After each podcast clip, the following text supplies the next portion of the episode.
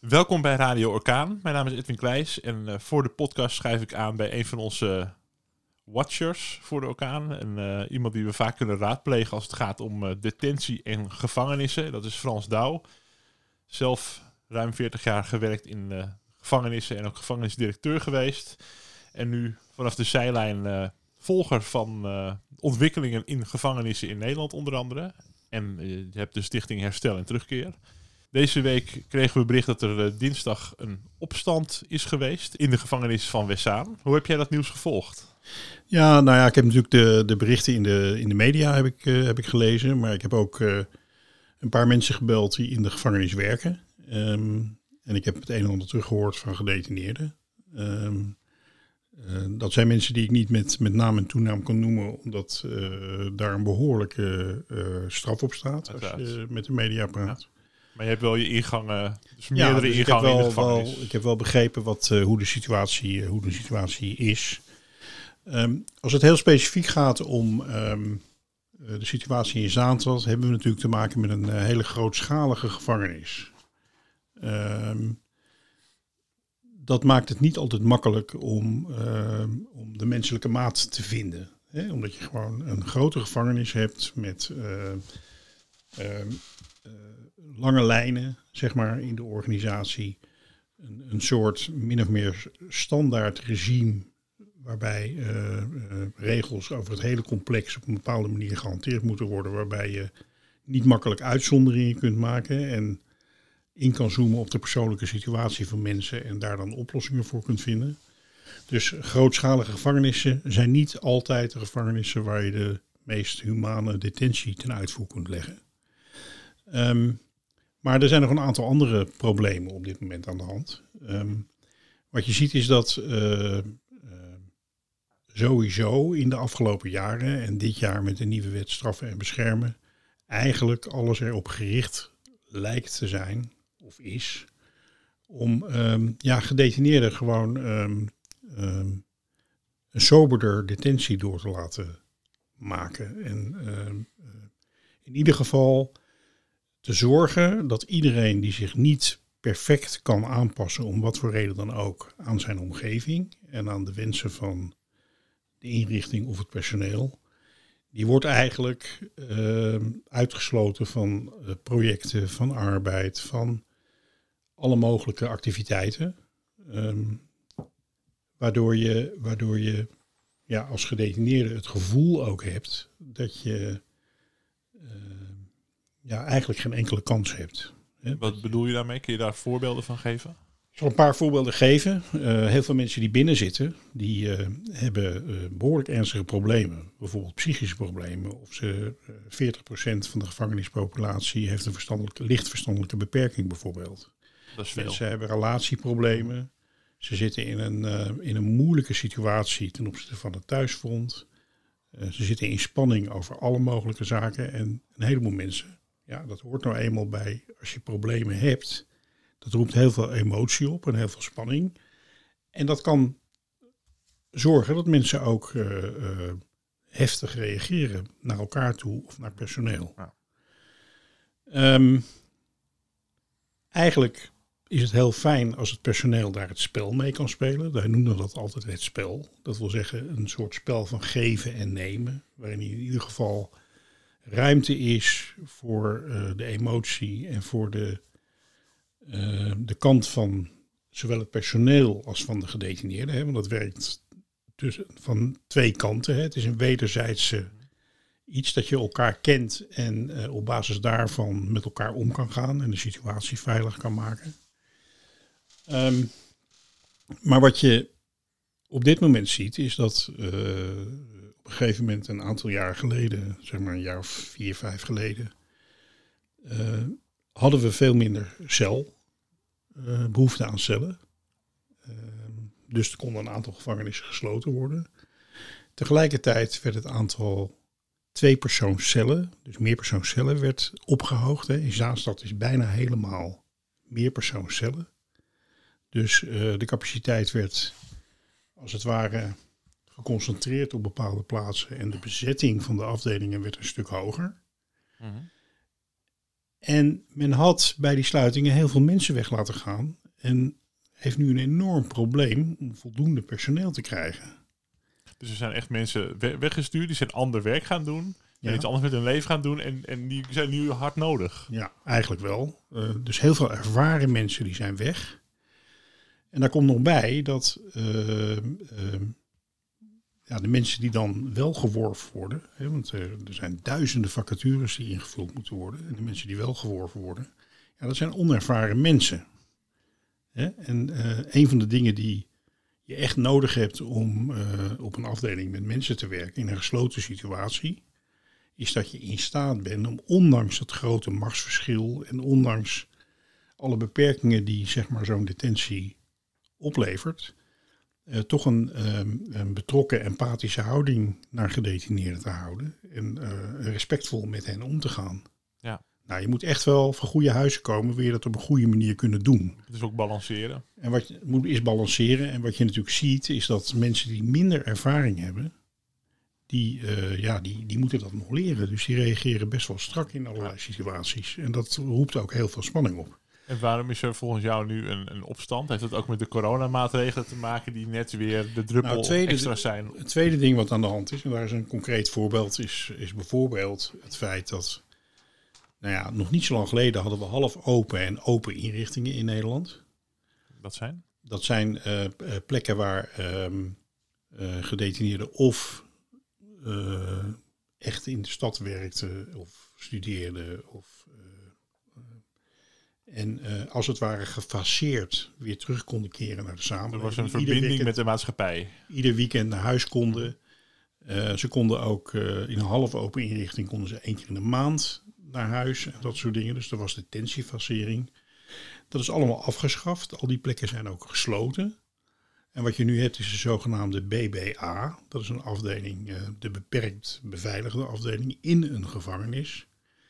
En ehm, nou, daar, komen eigenlijk alleen maar gedetineerden die zich uitstekend kunnen gedragen. Dus eigenlijk ook gedetineerden die ehm, eh, ook zonder fasering eigenlijk heel goed zouden kunnen reïntegreren in de samenleving. Die dat konden regelen.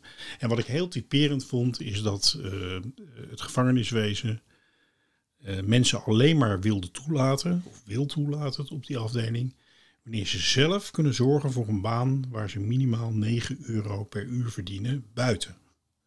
Dus je zit in de gevangenis, je moet reïntegreren, je hebt een behoorlijke afstand tot de samenleving, maar je moet wel het netwerk en de mogelijkheden hebben om eigenlijk gewoon een betaalde baan zelf te regelen.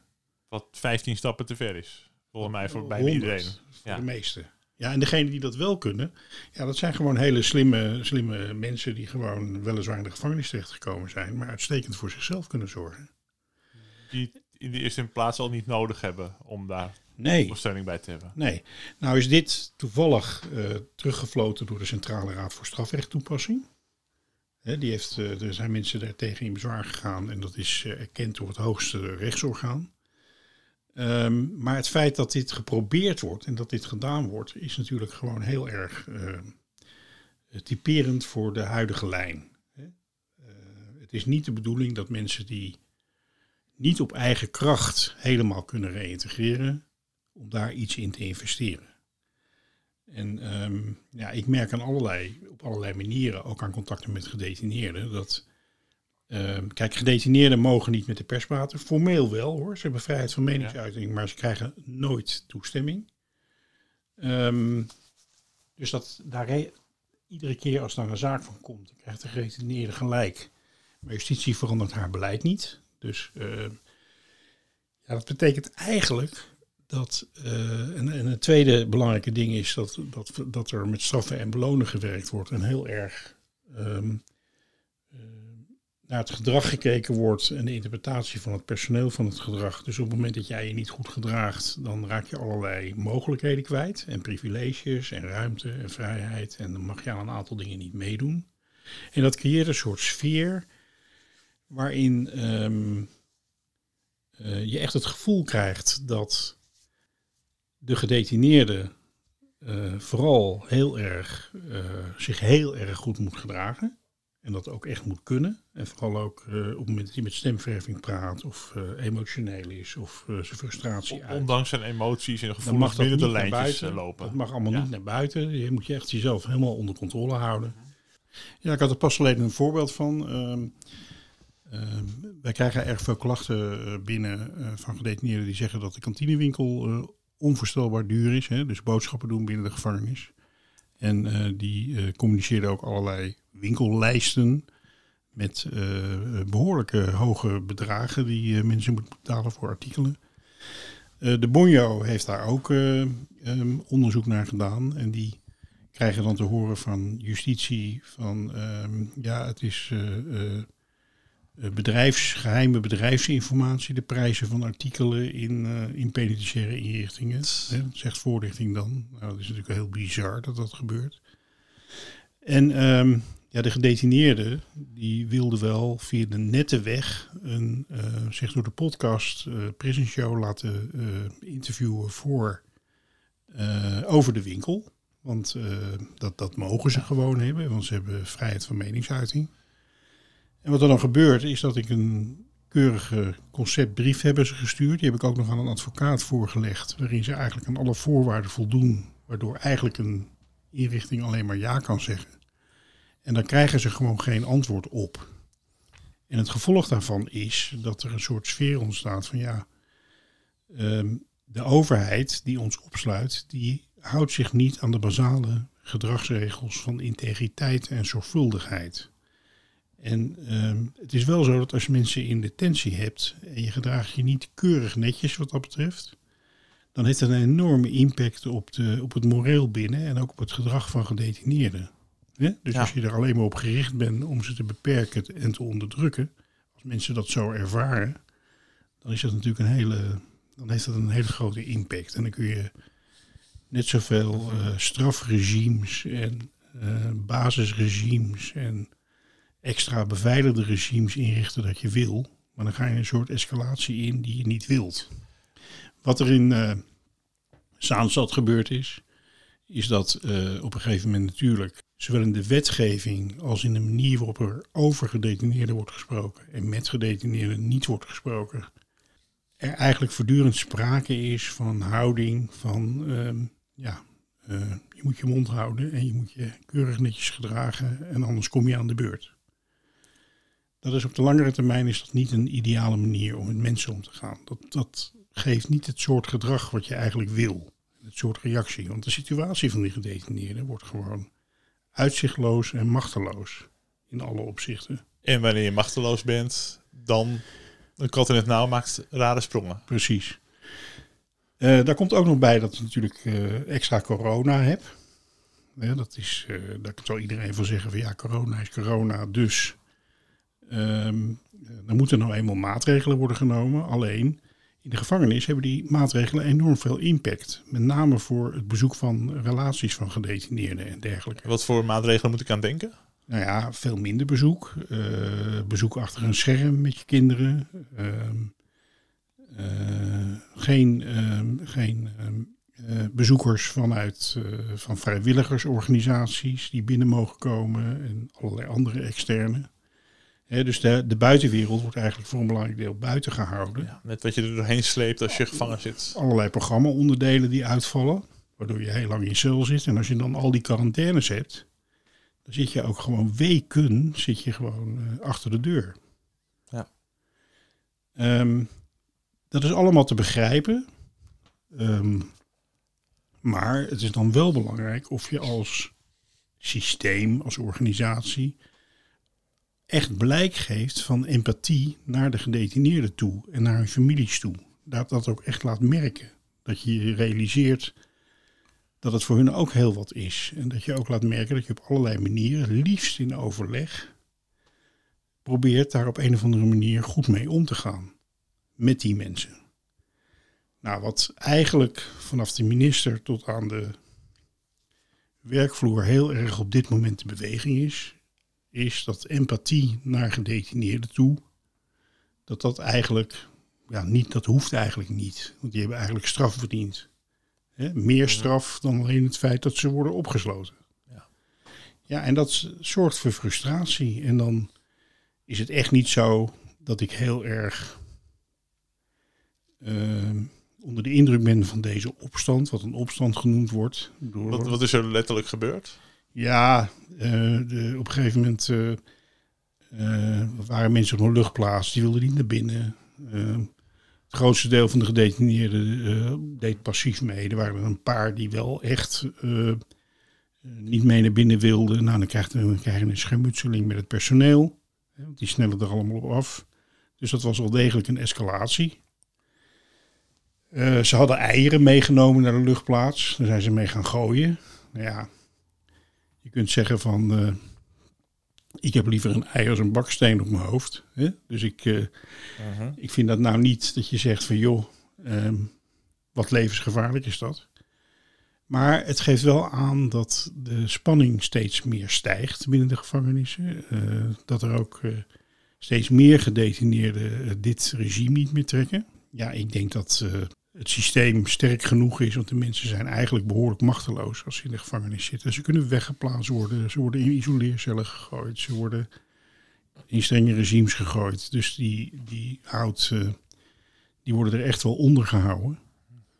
Maar het is Maar- een signaal eigenlijk wat ze afgeven. het zijn wel, ja, het zijn ook dat, maar het zijn ook gewoon medemensen. En ze komen ook weer in de samenleving. Ze hebben ook families. Dus de, de onzichtbare schade die wordt aangericht is enorm. Enorm. Als jij directeur zou zijn geweest en je krijgt zo'n signaal van de mensen in gevangenis, wat, eh, wat zou je dan het beste kunnen doen? Nou, het gaat natuurlijk heel erg om de relatie tussen gedetineerden en personeel. En ik zou vooral heel veel ruimte willen geven, zoveel als mogelijk aan personeel en gedetineerden en hun families, om de menselijke maat te vinden. Om te zorgen dat het voor alle partijen, dus zowel voor personeel als voor gedetineerden, als voor families, zo draaglijk mogelijk is. Op het moment dat je alleen maar directief bepaalt met weinig empathie en alleen maar kijkt naar veiligheid en naar regels, ja, dan ontstaat er op een gegeven moment een situatie waarin er eigenlijk geen ruimte meer is voor mensen. En dan, eh, ja, dan zijn de gevolgen zijn, eh, zijn heel vervelend. Dankjewel. Oké.